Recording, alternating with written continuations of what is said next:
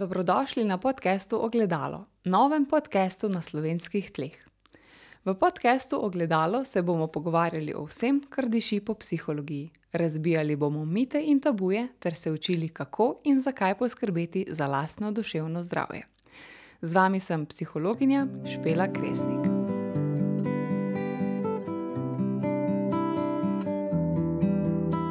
V drugem podkastu sem gostila prvo gostjo, psihologinjo Meto Laurič, s katero sva se pogovarjali o sicer precej težki temi, ki je pri nas še vedno tabu.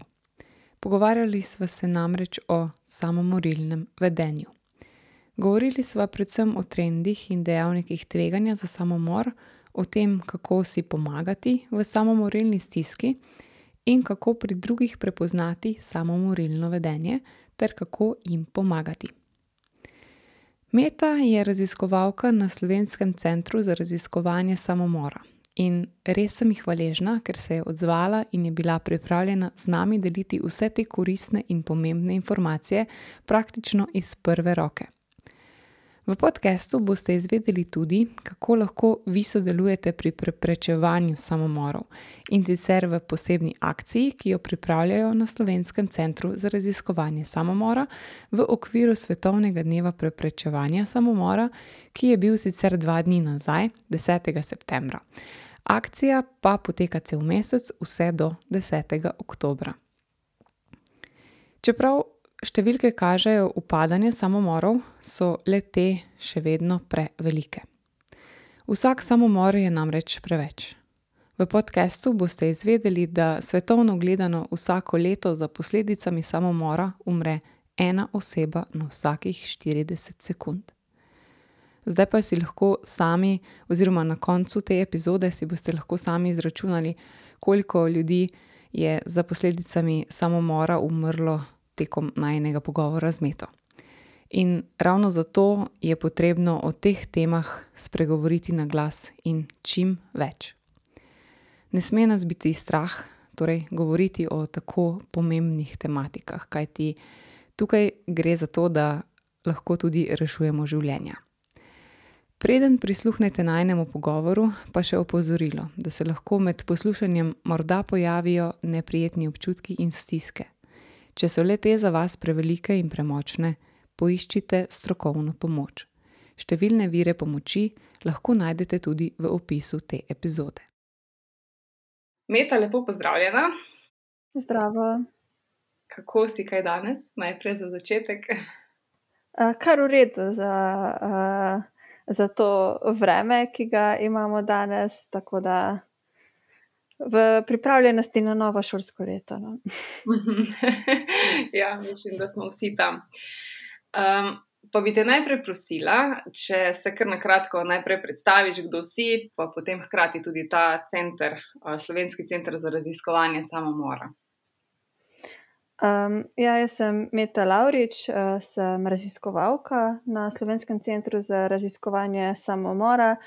Um, in seveda potem delujem v okviru teh dejavnosti, teh uh, projektov, ki jih izvajamo na našem centru. Ta center deluje že od leta 2011 v okviru inštituta Andrej Marušič Univerze na Primorskem in se usmerja predvsem v nekako zagotavljanje uh, kakovostnih raziskav z namenom nekako boljšega razumevanja samomorilnega vedenja um, in tudi nekako bolj poglobljenega um, razumevanja vzrokov, dejavnikov tveganja, načinov, kako lahko preprečujemo samomorilno vedenje, in kako lahko tudi po drugi strani nudimo podporo tistim, ki izgubijo svojca ali drugega bližnjega zaradi samomora.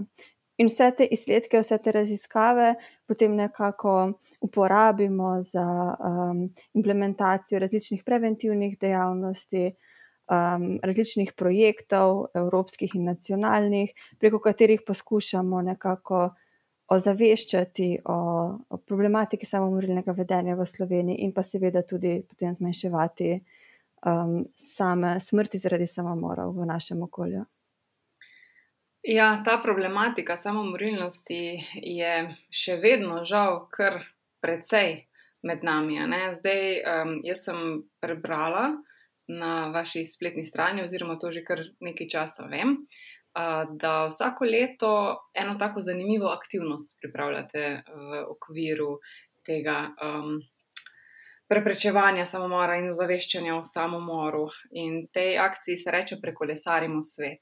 Zdaj, glede na to, da je, no, zdaj, ko to snemamo, sicer ta dan. Uh, svetovni dan preprečevanja samomora, samomora šele bo.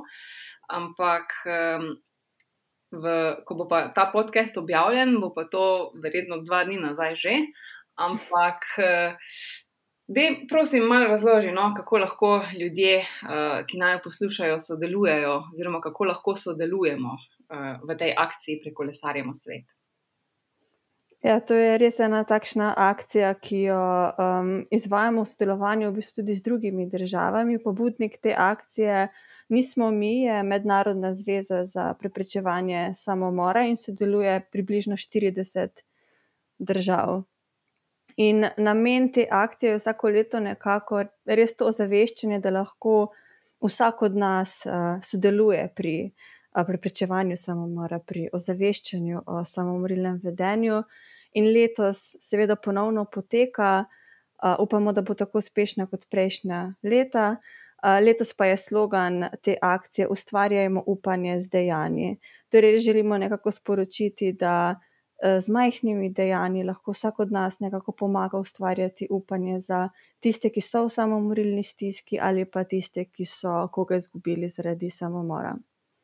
In ta akcija poteka vsako leto um, okrog svetovnega dneva preprečevanja samomora, to je 10. septembra, in tudi letos bo potekala od 10. septembra do 10. oktobra, oziroma zdaj, ko poslušajo, že poteka.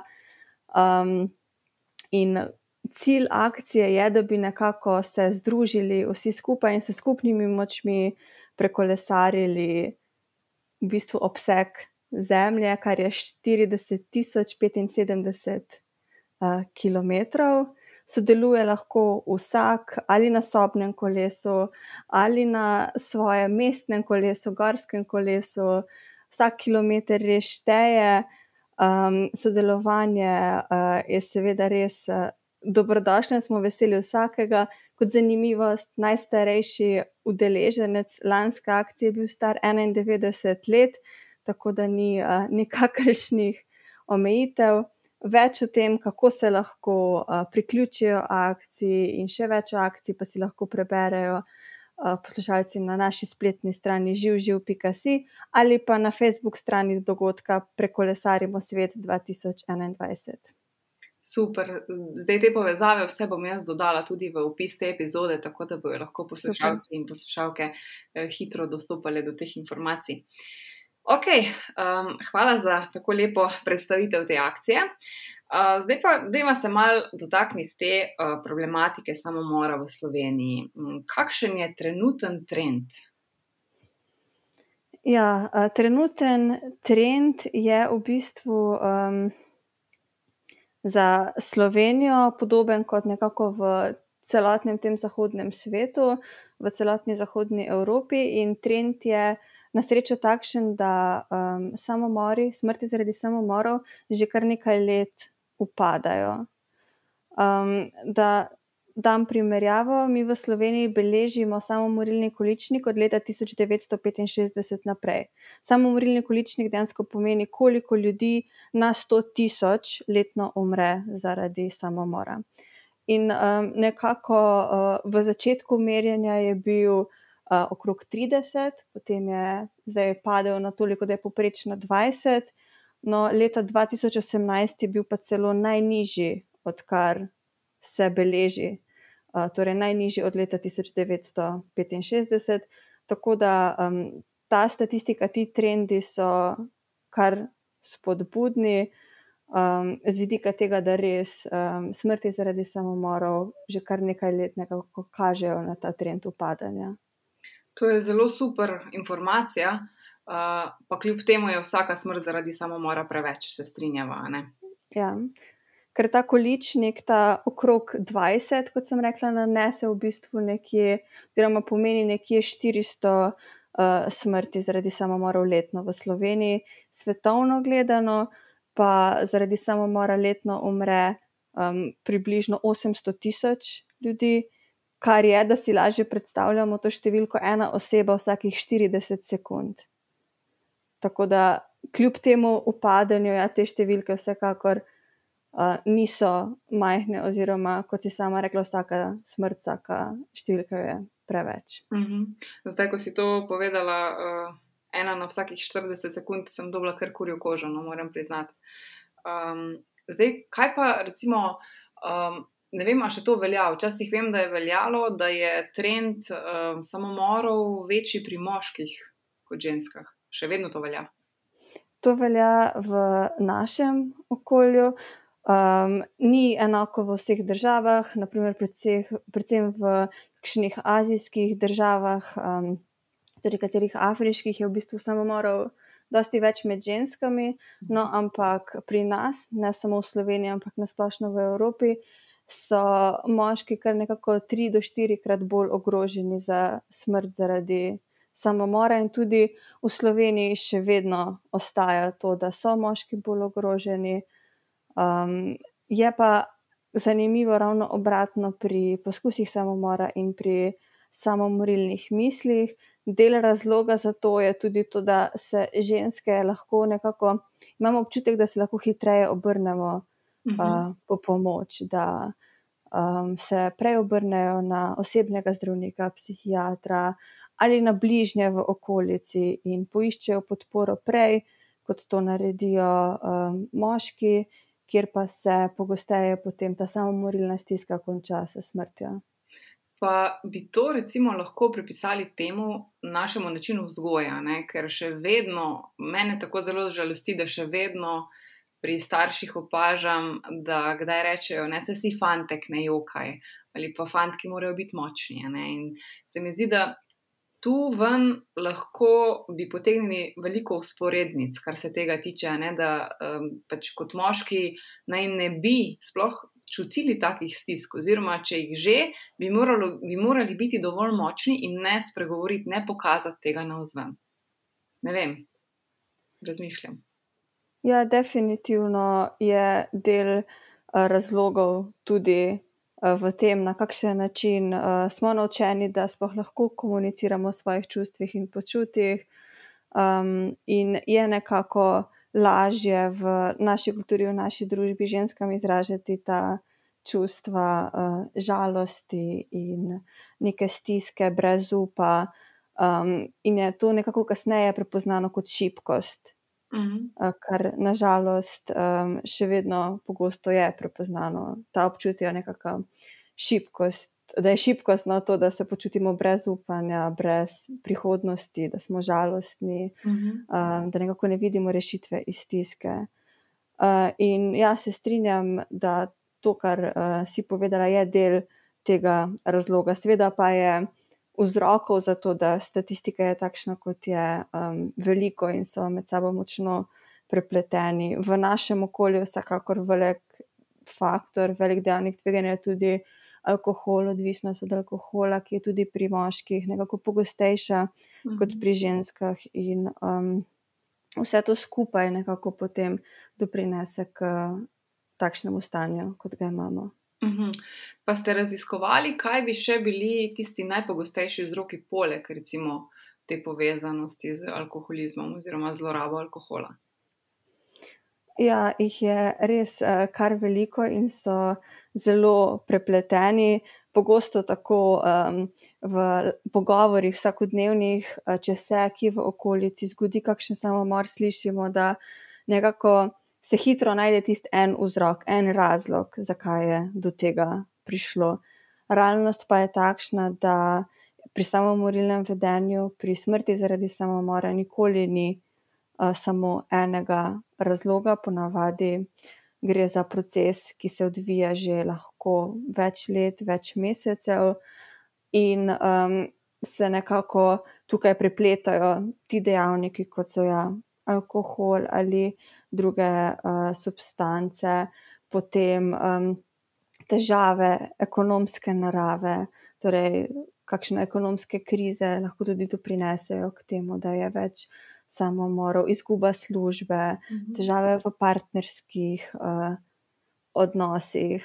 Um, v bistvu tudi nekako najpogostejši dejavnik, ki je pogosto spregledan, so že neke predhodne težave v duševnem zdravju. Torej, da posameznik že prej trpi za depresijo, anksioznostjo, tudi kakšnimi uh, psihotičnimi motnjami, pa to mogoče niti ni prepoznano, ni zdravljeno, in se Mhm. potem skupaj s temi okoljskimi dejavniki, ki sem jih naštela, um, kaže v tej potem poglobljeni samomorilni stiski. Mhm. Ja, zdaj, ko smo ravno pri teh uh, vzrokih, um, torej bi lahko rekli, da je vsekakor zelo pomembno, da dovolj hitro poiščemo pomoč. Ne?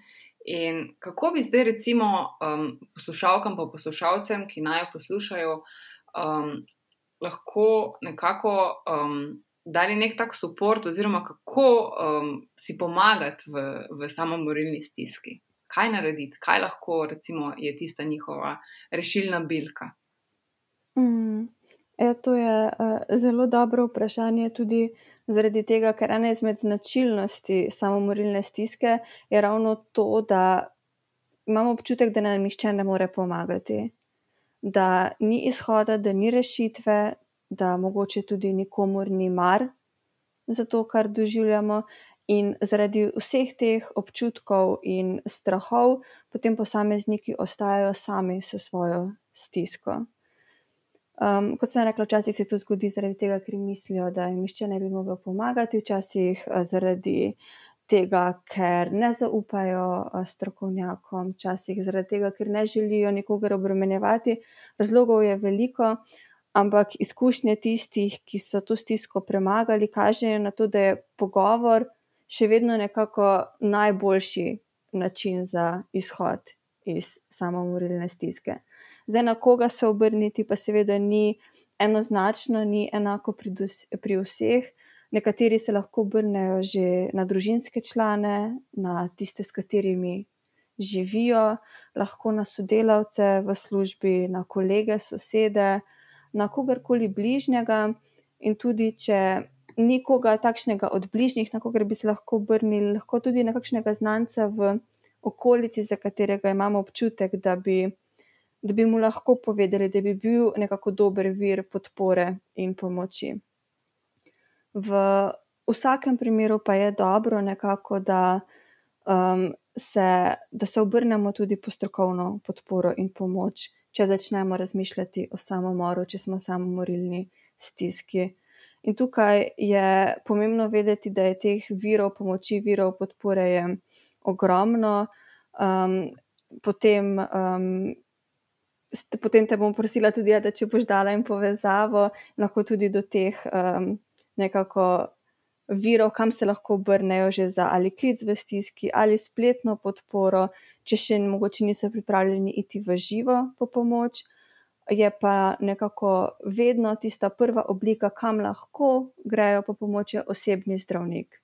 Torej, samo do osebnega uh, zdravnika, se povejo te težave, in potem osebni zdravnik napoti um, naprej, če je potrebno, ali psihologu ali psihiatru, in se ponudi ustrezna podpora. Je pa tudi tukaj super vedeti, da če, je oseb, da če nekako je osebni zdravnik takšen, da nimajo občutka, da bi mu to lahko zaupali, kar se včasih tudi zgodi. Ali pa da enostavno nočejo iti k zdravniku v svoji okolici zaradi strahu pred uh, stigmo, potem se lahko obrnejo direktno na psihiatra. Za pregled pri psihiatru ni potrebna napotnica, lahko grejo kar neposredno. Um, tako da, če, ne, če ni osebni zdravnik tista pot, ki bi jo želeli izbrati, je tukaj tudi vedno potem kar neposredno psihiatrični pregled brez napotnice. Aha, to je zelo dobro vedeti in zelo koristna informacija. Torej, zdaj, če vse to strneva v en sam stavek, je uh, lahko to ta, da spregovorimo. Pomembno je, da spregovorimo. Tako ja, in, uh, hvala, ker si upozorila na te vire pomoči. Uh, seveda, vsekakor bom tudi to dodala v opis epizode, da bojo dostopni. Ok, zdaj imamo na eni strani torej osebe, ki so v samomorilni stiski. Na drugi strani pa imamo osebe, ki tem osebam lahko pomagajo. Zdaj, kako pa prepoznati samomorilno vedenje? Zdaj, jaz vem, da tukaj je kar nekaj um, takih napačnih razmišljanj, to smo se tudi mi že učili na fakulteti, uh, da pes, ki laja, ne grize. Ne? To je predvsem uh, zelo popularno, uh, pa ne ravno drži. Um, in kako recimo. Um, Se potem z drugimi pogovarjati o tem. Jaz sem sicer na vaši spletni strani videla, da imate eno tako super knjigico, kako se pogovarjamo o samomoru in bom tudi tisto pripela, ampak zdaj mogoče samo na kratko, torej kako prepoznati samomorilno vedenje pri drugih in kako se o tem pogovarjati. Ja, uh, si že super omenila ta mit, da pes, ki laja, ne grize. Pogosto se uh, nekako širi to prepričanje, da tisti, ki govorijo, da uh, želijo umreti ali pa da bodo naredili samomor, da ti zagotovo ne bodo. Uh, V resnici je ravno nasprotno. Ljudje, ki so v samomorilni stiski, ki razmišljajo o samomoru, zelo pogosto na različne načine to kažejo že prej. Um, ali kar s temi izjavami, bolj ali manj posrednimi, torej da kar rečejo, jaz pa razmišljam o samomoru, se bom ubil, ne želim več živeti, ne vidim več smisla. To so vse takšne izjave, na katere smo lahko pozorni. Potem vse do nekih sprememb v vedenju in razpoloženju. Zdaj, najlažje bomo prepoznali samomorilno vedenje oziroma samomorilno stisko pri ljudeh, ki jih dobro poznamo, ki so nam blizu, ker bomo lahko opazili te neke vedenske spremembe, ki se bodo pri njih um, pojavile. Uh, vedenske spremembe se nanašajo predvsem na nek umik iz okolice, na umik iz aktivnosti, ki so posameznika prej veselile in ki se jih je udeleževal, zdaj pa ga ne veselijo več. Potem, da se nekako umikajo od družbe, da imajo neko prepričanje, da je vsem bolje brez njih in ga mogoče tudi izrazijo z neposrednimi izjavami, ali pa se enostavno umaknejo. E, potem, da opazimo nekakšno spremembo v razpoloženju, Um, in tukaj je spet tako, da uh, se pri moških, kot zanimivost, pogosto um, ne kaže kot ta tipična žalost um, ali okavost, ki jo mogoče prej prepoznamo kot neko stisko, ampak se lahko kaže tudi kot neka nekontrolirana jeza, uh, neka težko razumljiva jeza, razdražljivost, um, neka, nek takšen nemir. Tudi to lahko kaže na samomorilno stisko potem pa smo lahko vsekakor pozorni tudi na to, um, če se začne oseba nekako pripravljati na svojo smrt, da začne razmišljati o svojem pogrebu ali načrtovati pogreb, če začne razdajati svojo lastnino. Um, predvsem, če to pospremi s kakšnimi besedami, da tega ne bodo več potrebovali, um, ali kaj podobnega. Um, in tudi, če si začnejo pripravljati metodo za samomor, naprimer, da opazimo preko doma, da si, pre, da si pripravljajo nekako ta sredstva, um, s pomočjo katerih bi lahko naredil samomor. In cel ta nek sklop teh razpoloženjskih in vedenskih sprememb, pripravljen na smrt, tudi um, teh izjav, bolj ali manj posrednih, na, lahko nekako pokaže na to, da posumimo, da oseba mogoče razmišlja o samomoru. In nikoli ne moremo biti res prepričani. To je tukaj pomembno uh, poudariti, da pogosto čakamo na to, da bi osebo povprašali o tem ali naredili prvi korak, takrat, ko bomo res prepričani. Je pa tako, da ne moremo zares vedeti. Zato je vse, kar lahko naredimo, ko posumimo, da enostavno vprašamo. In o tem dosti piše tudi v tistem priročniku, uh, ki ga boš uh, prilepila v opis. Mhm. Ampak da poudarim samo te neke najpomembnejše uh, vidike tega, kako vprašati, kako se pogovoriti, uh, je predvsem pomembno, da razbijemo tukaj ta mit. Da, če bomo vprašali, da bomo s tem spodbudili samomorilne misli. Tega se pogosto bojimo, ampak strah je popolnoma neutemeljen. Zaradi tega, ker če nekdo ne razmišlja o samomoru, ga s tem vprašanjem nikakor ne bomo spodbudili k temu.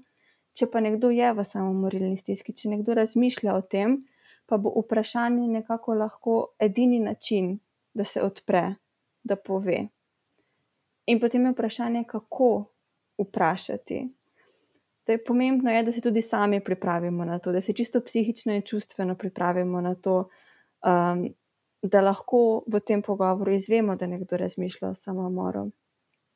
Pripravimo si nekako čas in prostor, kje in kako in kdaj bomo to vprašali, ker je zelo verjetno, oziroma možno, da se bo potem razvil iz tega pogovor, ki bo lahko tudi trajal, in je pomembno, da imamo nek prostor in čas in mir, da ta pogovor speljemo v miru. In potem je pomembno, da to vprašanje zastavimo nekako čim bolj neposredno, čim bolj direktno, čim bolj na takšen način, da oseba ne bo v nekako zmedena glede tega, ali smo jo res vprašali po samomorilnih mislih ali ne. Tako da se dobro izogibati takšnim splošnim vprašanjem v smislu, kako si, um, ker je to eno takšno vprašanje, ki ga slišimo vsi večkrat na dan in pogo pogosto odgovarjamo čisto avtomatsko. Ja. Ampak da kar uporabimo besedo samomor vprašamo v sedanjiku in vprašamo neposredno, torej ali razmišljaš o samomoru. Če težko izgovorimo besedo samomor, kar je lahko tudi pogosto in je čisto razumljivo in ok, potem lahko vprašamo na drugačen način, naprimer, ali si želiš umreti, ali je tako težko, da si ne želiš več živeti, bi rad umrl. Torej, še vedno zelo nekako direktno in jasno in neposredno, uh, ker je pomembno, da um, oseba res ve, da je tudi nam ok govoriti o tem in da ni v nekako v precepu glede tega, ali jo res sprašujemo o samomoru ali ne. Mhm. Ok, recimo, da imamo primer, zdaj, zakaj izpostavljam ta primer, ker imam tudi sama eno tako, mislim, imela sem eno tako izkušnjo. Um, ko nas, uh, recimo, na fakulteti so nas naučili, da um, če nam kdo pove, da si želi narediti samomor, da je treba to jemati zelo resno in da je treba to potem absolutno o tem spregovoriti in preveriti, kako resno si ta oseba to želi. In v primeru, da je to res um, tako velika grožnja, da si osebo, pač, da se bojimo, da, da jo bi pustili samo, je absolutno nujno, da v skrajni sili uh, tudi pokličemo lahko rešilca. Um, ampak vse to, ko tako govoriva, ko se tako pogovarjava o tem, se sliši tako. Mm, Kako se ne vem, kako bi sploh to eh, poimenovala, ampak tako um, ne blizu, ne? Um, ker te izkušnje niso tako vsakdanje.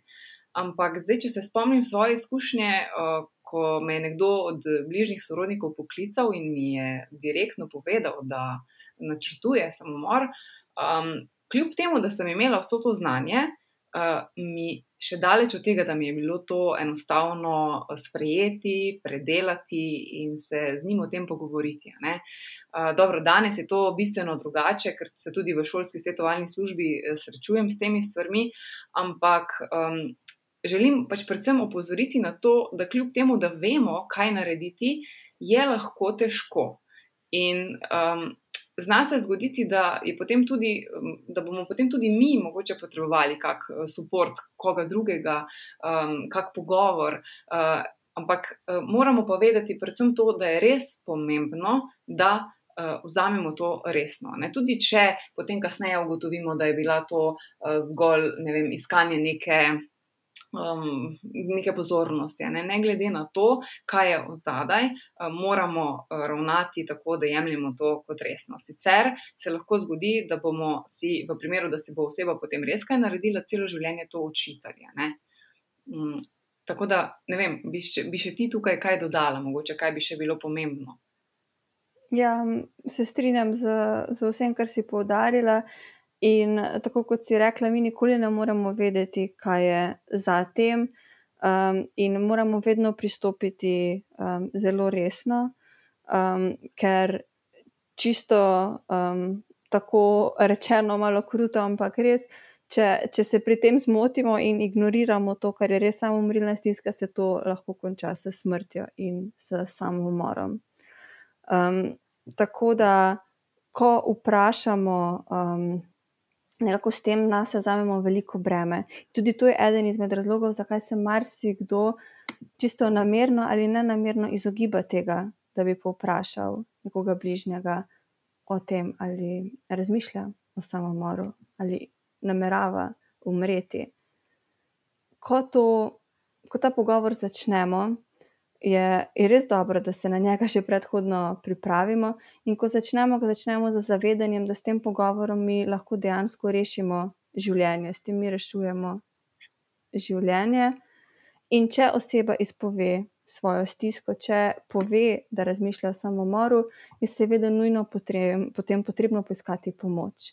In to vedno poskušamo narediti skupaj z osebo, torej da nekako ponudimo, da gremo skupaj um, k zdravniku, da mi ponudimo te vire pomoči, te številke, kamor se lahko obrnejo, um, da nekako iz, poskušamo prepričati in jim ponuditi oporo, pri tem, da se obrnejo uh, po strokovno pomoč. Benem je tudi dobro, da nekako ne ostanemo sami s to informacijo, da nismo edini, ki to vemo. Zato tudi uh, poskušamo osebo prepričati, da, uh, da pove še komu, za te svoje misli, za svojo stisko. Um, na ta način bo tudi nekako več ljudi pazilo na to osebo, bo imela več podpore, in tudi mi bomo razbremenjeni, ker ne bomo tisti edini, ki bomo vedeli, da se z osebo nekaj dogaja. Kadar pa je tako, da, je, um, da, da vidimo, da je stiska res huda, da oseba že načrtuje samomor, da je mogoče že tudi poskušala kdaj umreti zaradi samomora ali pa se že samo poškodovala, pa nikakor ne želi po pomoč, potem moramo žal ukrepati na ta način, ki si ga omenila, da v bistvu lahko kadarkoli mi pokličemo na 112 in potem se osebo hospitalizira, oziroma jo predhodno tako pregleda psihiater, če je samo morilna stiska res tako huda, da je hospitalizacija potrebna. In to narediti je res težko, na srečo je to tudi zelo redko. Običajno se po pogovoru osebe že počutijo tako olajšano, da se tudi strinjajo, da gredo po podporo, po pomoč. Ampak, če to treba storiti, je nekako dobro imeti v mislih, da je to bil edini način, da smo lahko tej osebi pomagali uh, živeti naprej, in da je ta želja po samomoru nekako odraz neke hude, nerešene stiske, neke hude bolečine, v kateri je oseba in je nekako. Uh, nekako, če bo ta bolečina minila, če bo dobila ustrezno strokovno podporo in pomoč, potem se bo tudi želja po samomoru zmanjšala. Mm -hmm. Ja, um, To, to se mi zdi zelo pomembno, ja, da si omenila prej, da, da je mogoče dobro povedati tudi še komu drugemu, da še tudi drugi vejo, kaj se s to osebo, od bližnjih, seveda, kaj se s to osebo dogaja. Uh, zato, da imamo tudi mi nek podpor, ne, da nismo sami v tem, kajti to je potem lahko še težje. Um, ok, uh, zdaj prišli smo sicer do zadnjega vprašanja. Uh, ki, za katerega smo se sicer že uh, nekako dogovarjali, da ga bomo podrobneje razdelili v ločenem podkastu, zato ker se mi tudi zdi smiselno, ker je to ena taka spet zelo, zelo široka tematika. Um, kaj ti um, zdaj? Verjetno obstajajo razlike med družinami, ki so izgubile um, nekoga, zaradi bolezni ali drugih oblik smrti, uh, in uh, med družinami, ki um, žalujejo po samomoru bližnjega. Ne? Namreč 18. november je tudi Mednarodni dan solidarnosti z družinami, ki so zaradi samomora izgubile bližnjega.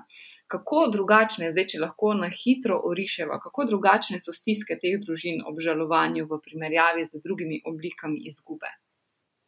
Mm, ja, pri pri smrti zaradi samomora, ko izgubimo nekoga zaradi samomora, je um, poleg vse bolečine, ki je prisotna tudi pri drugih smrtih, pri drugih žalovanjih, zraven še um, ta nek šok nenadne smrti, kot pri kakšnih prometnih nesrečah ali podobno. In pa še en cel kup kompleksnih čustev, od občutka krivde, občutka sramu, jeze do pokojnika, zakaj je to naredil, uh, jeza na sebe, zakaj nismo opazili, zakaj nismo reagirali. Torej, nekako bi lahko rekli, da je ta bolečina, um, ko izgubimo nekoga zaradi samomora, še bolj večplastna in še bolj poglobljena, lahko kot pri nekako drugih smrtih. Poleg tega je na eni strani pogosto še ta faktor, da imamo občutek, ali pa imamo res manj nekako podpore strani okolice. Um, če izgubimo koga zaradi bolezni ali prometne nesreče, je popolnoma drugače, kot če izgubimo nekoga zaradi samomora. Žal je v, tudi še dan danes um, dosti neke te stigme iskanja krivca in krivde po samomoru, iskanja tega razloga, zakaj je prišlo do tega, čeprav, kot smo povedali, razloga v bistvu ni, ampak je mnogo teh dejavnikov tveganja.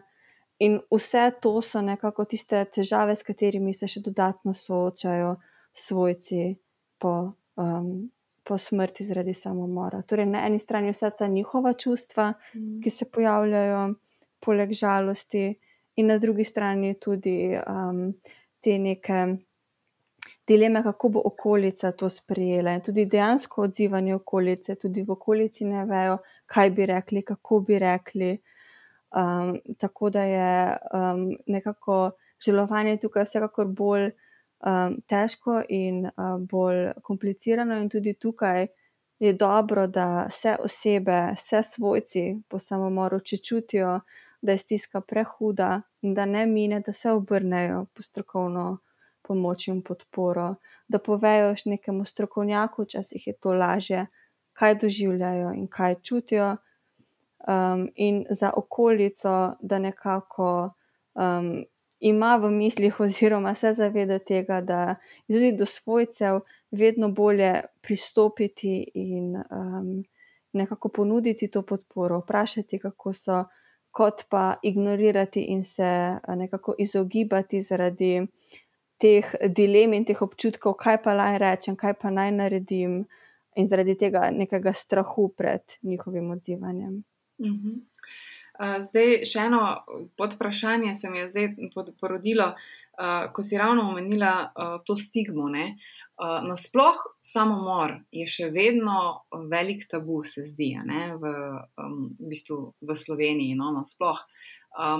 Pa se mi zdi, da je to zaradi tega, ker ne, se pri samomoru, kot si že omenila, je veliko vzrokov, ne, ki pripeljejo do, do potem končnega izida, in veliko je tudi teh vzrokov povezanih z duševnim zdravjem. In se mi zdi, da je, oziroma vprašanje za te bolj, no, se ti zdi, da je zaradi tega, ker je itak že stigmatizirano duševno zdravje nasploh, posledično tudi samomor tako zelo stigmatiziran, ker tu, ne, ne vem, a to recimo opažate, to je zdaj en tak moj pomislek, ne, da um, ljudje pravzaprav ne razumejo, kako lahko nekdo naredi samomor. Ne. Uh, in včasih celo slišiš, kako je lahko nekdo tako nor, da nekaj takega naredi. Ne? In potem avtomatsko to pade v isti koš, zato ker so že duševne bolezni tako stigmatizirane in si že duševne bolezni. Pravzaprav ljudje tako zelo težko razlagajo, jih ne razumejo, so že tiste avtomatsko tabu in potem posledično tudi samomor kot tak. Ne? ne vem, a opažate kaj, da je mogoče tudi s tem kakšna povezava. Ja, povezava tukaj je zelo močna, uh, ker, kot sem že rekla, je nekako prisotnost duševne motnje, ki ni zdravljena, um, zelo velik dejavnik tveganja pri samomorilnem vedenju, predvsem prisotnost depresije in drugih razpoloženskih motenj. In zelo je močna povezava med tem, kolikšna je v družbi nekako ta stigmatiziranost duševnih motenj, um, koliko so se ljudje pripravljeni obrniti na strokovno pomoč, koliko je strokovna pomoč sploh dosegljiva, in tem, koliko je v tej družbi um, samomorov in poskusov samomora. Torej, večja kot je stigmatiziranost, teže se bomo obrnili pravočasno na pomoč, in bolj pogosto se bodo te duševne stiske, duševne motnje, žal, potem končale s poskusom samomora ali s smrtjo zaradi samomora. Mhm. Torej, ne glede na to, da smo lahko uh, veseli, da številke padajo, uh, so le te še vedno prevelike, zato se je o tem še vedno potrebno zelo veliko in na glas pogovarjati. Uh, hvala lepa, Meta Laurič, da si bila uh, danes moja gostja. Za konec te mogoče še prosim za kak tak, ne vem, uh, mogoče stavek ali dva, um, kako lepo misel, karkoli povezano s to našo tematiko. Um, ja, najprej še hvala tebi za um, vabilo. Sem zelo um, hvaležna, da si me povabila in da um, je možnost govoriti o tej temi in širiti nekako to ozaveščenost o samomorilnem vedenju uh, v Sloveniji ker, in posod, ker kot si rekla, čeprav številke in trendi padejo, še vedno so previsoke. Um, kar se tiče pa neke uh, lepe misli oziroma popotnice za naprej, pa bi si kar sposodila ta letošnji slogan akcije Prekolesarimo svet, ustvarjajmo upanje z dejanji. Um, in imejmo v mislih, da vsako majhno dejanje, um, majhna drobna pozornost lahko ne samo nekomu polepša dan, ampak tudi na nek način rešuje življenja. In tukaj ne gre samo za skrb za druge, ampak um, bi vsem položila na, na srce, da naj ne pozabijo tudi na sebe, na neka drobna dejanja prijaznosti uh, za samega sebe, da v vsem tem kaosu, ki se dogaja um, zdaj v naši družbi, ne pozabijo na te neke trenutke um, miru in prijetnih dejavnosti, ki jih sproščajo in ki tako kot pravi slogan, ustvarjajo upanje za lepši jutri. Kako lepo si to povedala. Super. Hvala. Hvala tebi. Hvala, drage poslušalke in dragi poslušalci, ker ste to epizodo poslušali do konca. In kot že rečeno, še enkrat, če so se med poslušanjem in zdaj po poslušanju pojavile kakršne koli stiske ali neprijetni občutki, ki so za vas preveliki in premočni, poiščite strokovno pomoč. Pogovor pomaga. Vsi ostali pa hvala vsem, ki ste že in ki še boste na kakršen koli način pripomogli, da ta podcast doseže čim več ljudi.